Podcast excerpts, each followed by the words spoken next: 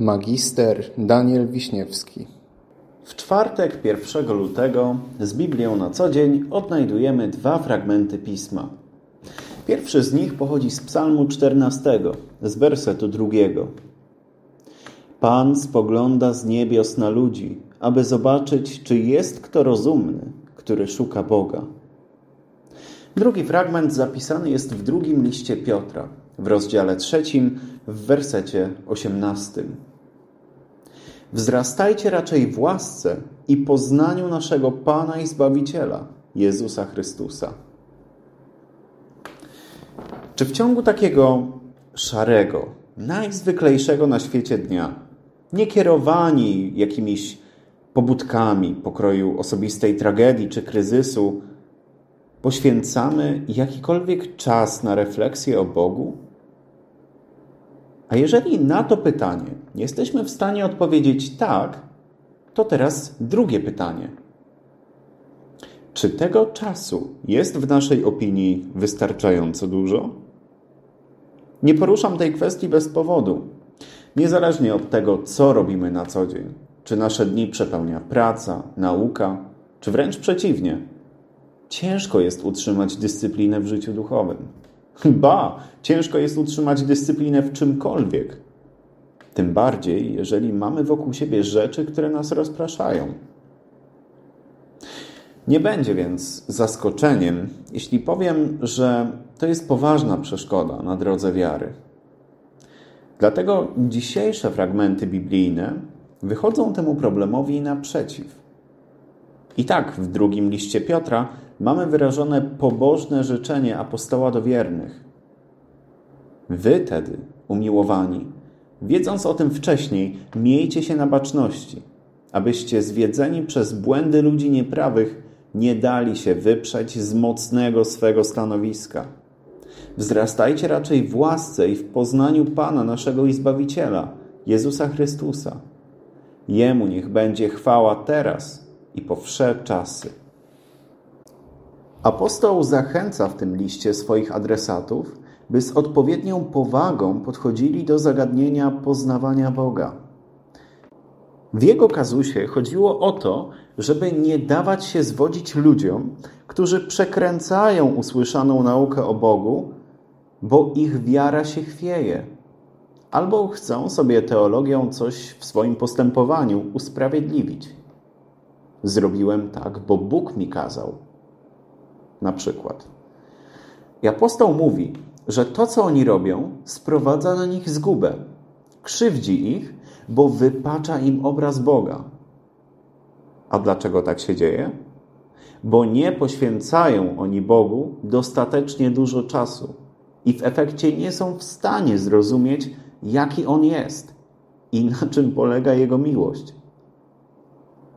Więcej o tym, dlaczego jest to ważne, by jako wierzący poznawać Boga, mówi nasz dzisiejszy psalm. Czytamy tam: Pan spogląda z niebios na ludzi, aby zobaczyć, czy jest kto rozumny, który szuka Boga. Wynika z tego, że dla Boga nie jest obojętne, jak się zachowujemy, o czym myślimy i czy pośród naszych codziennych wyzwań w ogóle się nim interesujemy tak jak w związku z drugą osobą. Jeżeli nawet mamy obrączkę na palcu, ale nie dajemy tej drugiej połówce naszej uwagi, troski, miłości, to co ten związek jest wart? Co warta jest ta obrączka? Związek trzeba udowadniać codziennie i na nowo, i naszą miłość do Boga tak samo, poprzez żywe, aktywne zainteresowanie. Zwykle staram się nie używać dwóch różnych porównań pod rząd, bo to trochę gubi słuchacza, ale w tym przypadku muszę zrobić wyjątek, bo usłyszałem ostatnio coś, co bardzo mnie zainspirowało. Otóż jedna osoba powiedziała mi, że z poznawaniem Boga jest trochę jak z białym światłem, na przykład słonecznym. Światło, jakie jest, każdy widzi białe no może lekko żółtawe. Ma oczywiście szereg zbawiennych niemalże funkcji dla życia na Ziemi. Jednak jego wygląd nie jest jakiś imponujący. No, od taki jednokolorowy snop. fotony lecące w określonym kierunku. Pada sobie na ziemię, a jak coś go zatrzyma, to mamy cień. Wow! Ale perspektywa się zmienia, gdy do takiego światła przyłożymy pryzmat, lub gdy pomiędzy nami a słońcem, dajmy na to, pojawi się deszcz. Wtedy nagle naszym oczom okazuje się cała paleta barw, łuk zwany tęczą.